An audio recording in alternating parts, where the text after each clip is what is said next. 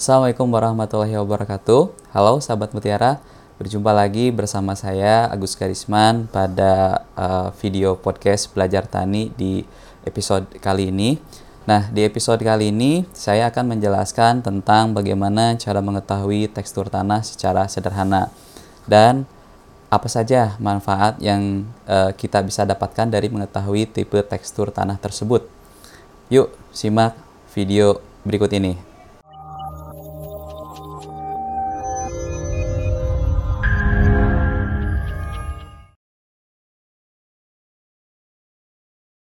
Halo, selamat datang di channel YouTube kami, NPK Mutiara TV. Di channel ini, Anda akan mendapatkan informasi dan edukasi seputar pertanian, khususnya nutrisi tanaman. Tonton video-video kami, jangan lupa like video kami, subscribe, dan pentung tanda loncengnya untuk terus mendapat update dari kami.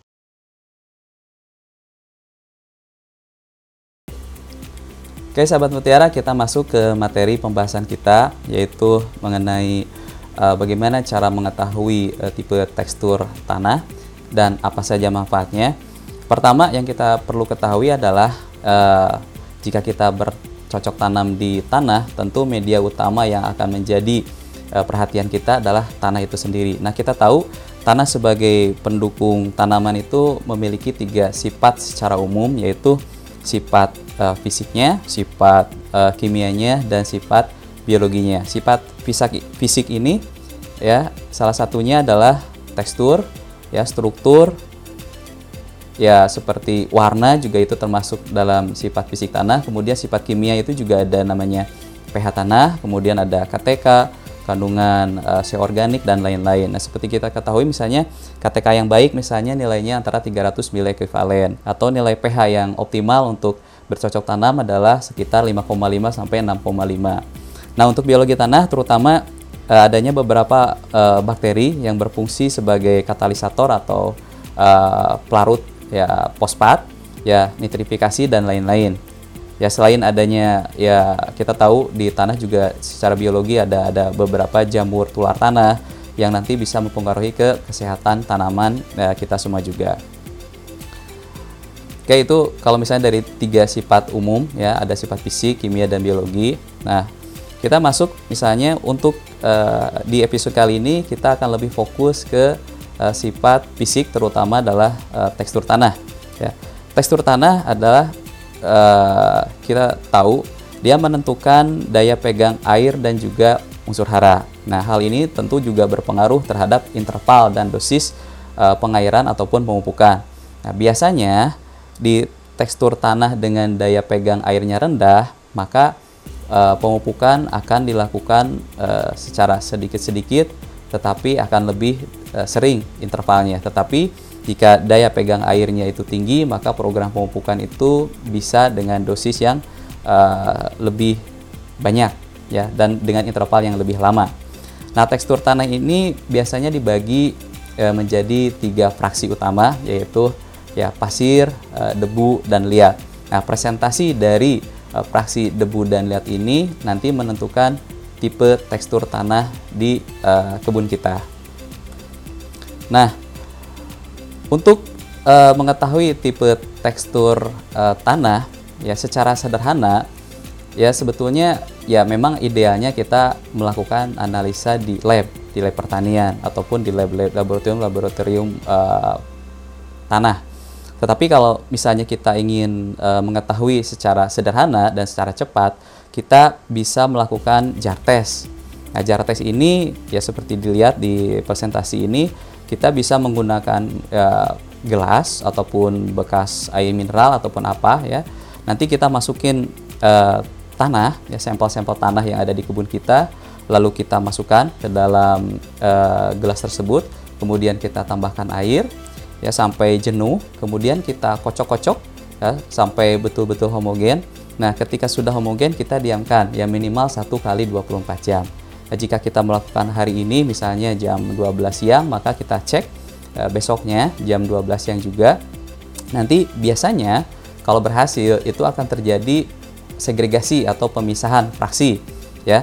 Jadi nanti biasanya di bagian bawah itu karena dia lebih berat dan lebih kasar biasanya adalah e, fraksi pasir. Nanti misalnya di tengah-tengah itu adalah fraksi debu dan terakhir adalah liat karena dia sangat ringan sekali dan liat itu akan ada di bagian atas atau di permukaan. Nah, misalnya seperti di gambar ini yang sahabat mutiara bisa melihat, misalnya contoh ini yang sudah dilakukan misalnya dari uh, sampel tanah yang dimasukkan ke dalam gelas tersebut, kita bisa uh, lihat misalnya uh, pasirnya ternyata ya dari 100% ada 65%, terus kemudian debunya ada 20% dan liatnya ternyata 15%. Nah, ketika kita tahu ya kita perkirakan misalnya pasir ada 65%, debu 20% dan liatnya ini 15%. Nah, kita ingin tahu eh, ini tipe teksturnya apa. Nah, sahabat mutiara semua itu harus punya namanya segitiga tekstur tanah. Nah, segitiga tekstur tanah ini bisa di Google ya bisa dilihat. Biasanya ada ada dalam bentuk bahasa Inggris atau dalam uh, bahasa Indonesia. Nanti download aja yang dalam uh, bahasa Indonesia juga sudah banyak ya segitiga tekstur tanah ini. Nah seperti uh, sahabat mutiara bisa lihat misalnya ini dari uh, atas terus ke kanan bawah ini adalah ya nilai uh, debu kemudian dari kanan bawah ke kiri bawah ini adalah uh, fraksi atau nilai uh, pasirnya. Kemudian dari kiri bawah ke atas ini adalah nilai presentasi liat. Nah, misalnya tadi nilainya adalah pasirnya 65%, maka kita uh, cek di mana nilai pasir 65%. Nah, seperti ini ada di sini ya. Ya dekat-dekat daerah yang warna ungu. Kemudian nanti fraksi debunya juga kita sesuaikan dengan nilainya misalnya 20% ya. Kita tarik juga oh ini kita tandain 20%-nya di sini. Kemudian uh, ada uh, fraksi liatnya 15% juga, kita cek juga oh ternyata liatnya di sini. Nah, ada tiga titik temu di sini antara fraksi pasir, debu dan liat ternyata ini jatuh di lempung uh, berpasir ya atau sandy loam. Nah, kita tahu nih secara sederhana berarti tipe tekstur tanah di kebun uh, kita adalah sandy loam. Nah, ini kalau kita tahu tekstur tanah kita misalnya sandy loam ataupun misalnya uh, yang lain apa manfaatnya tentu kita akan uh, simak di slide berikutnya. Tapi sebelum itu, sahabat mutiara pasti sudah tahu kan, misalnya kalau uh, nilai uh, pH tanah juga berpengaruh terhadap pertumbuhan tanaman. Jika dilihat misalnya dari uh, diagram ini atau tabel ini, Ya, pH optimal untuk menyerap unsur hara adalah di range ya sekitar 5,5 atau 6 sampai ke 6,5. Jika nilai pH-nya ini adalah di bawah uh, nilai tersebut ataupun di atas, maka tanaman itu tidak akan bisa menyerap unsur hara uh, secara optimal. Nah, ini tentu akan uh, berpengaruh ke tingkat efikasi atau efektivitas penyerapan pupuk yang kita aplikasikan. Nah, seperti eh, sahabat mutiara bisa lihat di slide ini.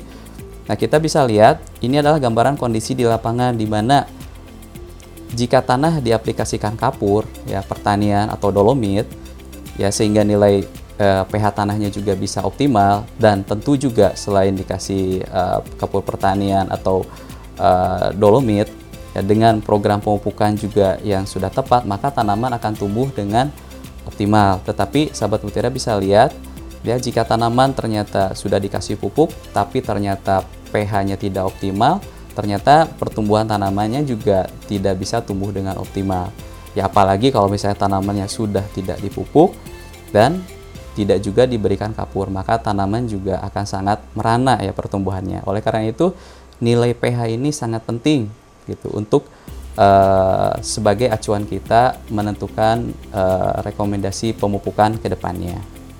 Nah, ini ada beberapa ya dokumentasi itu kan. Contoh cara e, mengukur pH tanah. Ya sahabat mutiara bisa e, memakai ya yang paling mudah sih yang biasanya kami pakai ini adalah pH meter yang tinggal ditusukkan saja ke tanah ya kita tunggu misalnya beberapa menit biasanya satu menit dua menit juga nilainya juga akan keluar. Tapi ya kalau bisa uh, kita tancapkan bukan di tanah yang benar-benar kering atau benar-benar basah baru hujan. Ya kalau bisa sih agak lembab gitu kan. Tapi jangan juga menancapkan pH meter ini di uh, tanah atau dekat pupuk karena nanti nilainya akan bias seperti itu. Jadi kalau misalnya ada ada tanaman ya misalnya contoh tanaman cabai atau terong atau apa terus kita menancapkan pH meternya dekat perakaran tanaman tersebut yang notabene biasanya selalu kita kasih pupuk baik itu secara tabur ataupun kocor. Jadi kalau bisa sih ngambil sampelnya tanahnya yang masih alami gitu masih belum sering kita pakai untuk uh, tanaman ditanam di situ. Oke sahabat mutia juga bisa melihat ternyata nilai pH mendekati 6,5 itu perakaran tanaman bisa lebih dalam lagi. Nah, kalau misalnya perakaran ini bisa lebih dalam, tentu penyerapan unsur hara juga akan lebih maksimal jika dibandingkan jika nilai pH-nya itu masam ya, semakin uh, di bawah 6,5 seperti di gambar ini ada dari 5,2 atau 5,5. Nah, nanti uh, dengan nilai pH yang semakin masam tentu uh, perakaran juga ya akan semakin dangkal sehingga ya penyerapan unsur hara tadi tidak akan maksimal seperti itu. Nah itu sebelumnya uh, saya pernah jelaskan ke sahabat mutiara. Terus apa pentingnya kita tahu kan uh, tipe tekstur tanah? Nah seperti di uh, slide ini ya sumbernya dari Loren and Maynard tahun 1988. Ternyata kita tahu ya misal kita ambil misalnya perubahan pH tanah yang diharapkan dari nilai pH 4 misalnya sangat masam ke nilai uh, pH 6,5 jika tipe tanahnya itu teksturnya berpasir ternyata hanya memerlukan kapur pertanian atau dolomit itu sebanyak 2,9 ton per hektar. Tetapi jika tipe tekstur tanahnya itu adalah lempung berpasir ternyata memerlukan ya, kapur pertanian atau dolomit sebanyak 5,6 ton per hektar. Nah tapi jika tipe tekstur tanahnya adalah lempung maka memerlukan uh, kapur pertanian atau dolomitnya sebanyak 7,8 dan seterusnya seperti yang sahabat mutiara bisa lihat di uh, slide ya tersebut. Ya, jadi untuk menaikkan pH dengan nilai yang sama tapi tipe tekstur tanahnya itu berbeda, ternyata kebutuhan untuk uh, kapur, kaptan ataupun dolomitnya ternyata berbeda juga.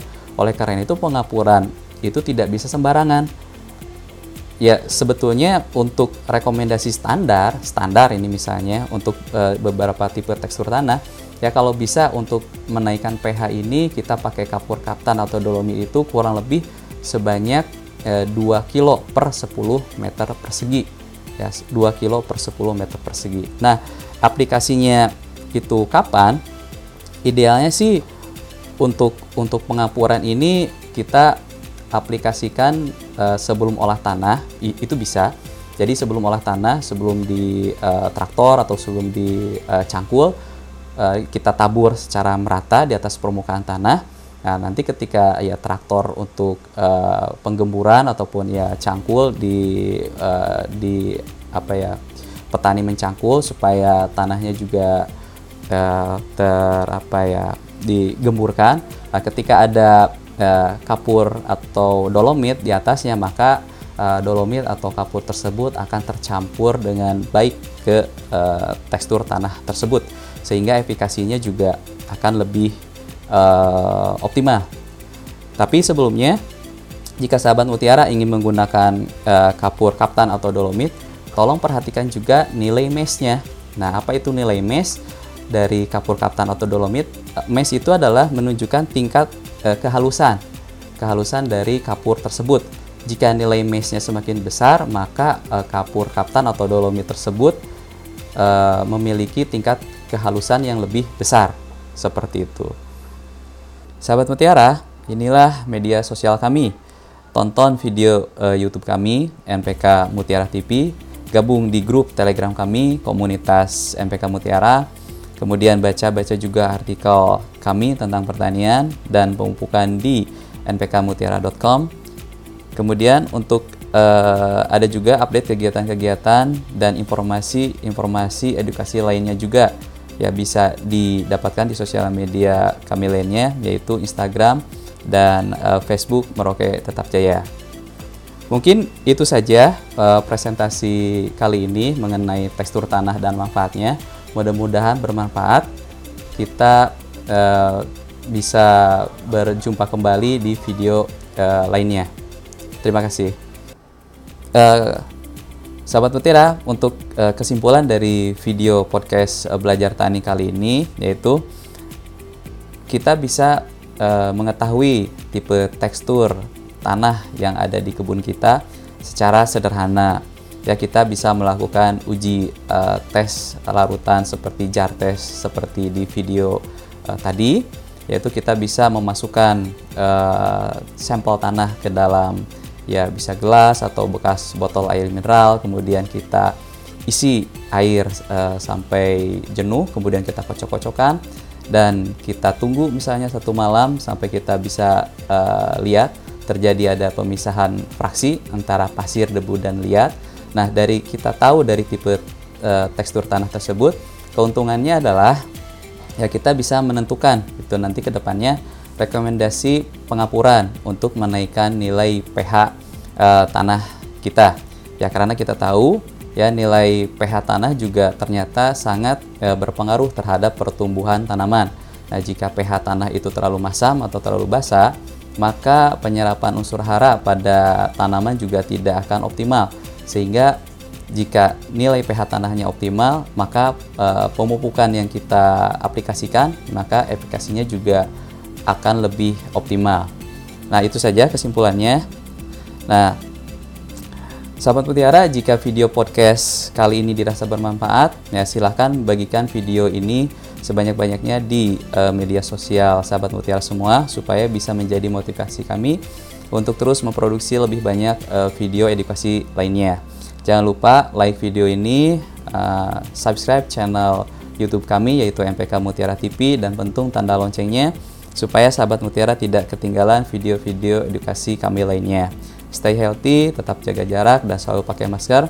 Wassalamualaikum warahmatullahi wabarakatuh. Salam Mutiara.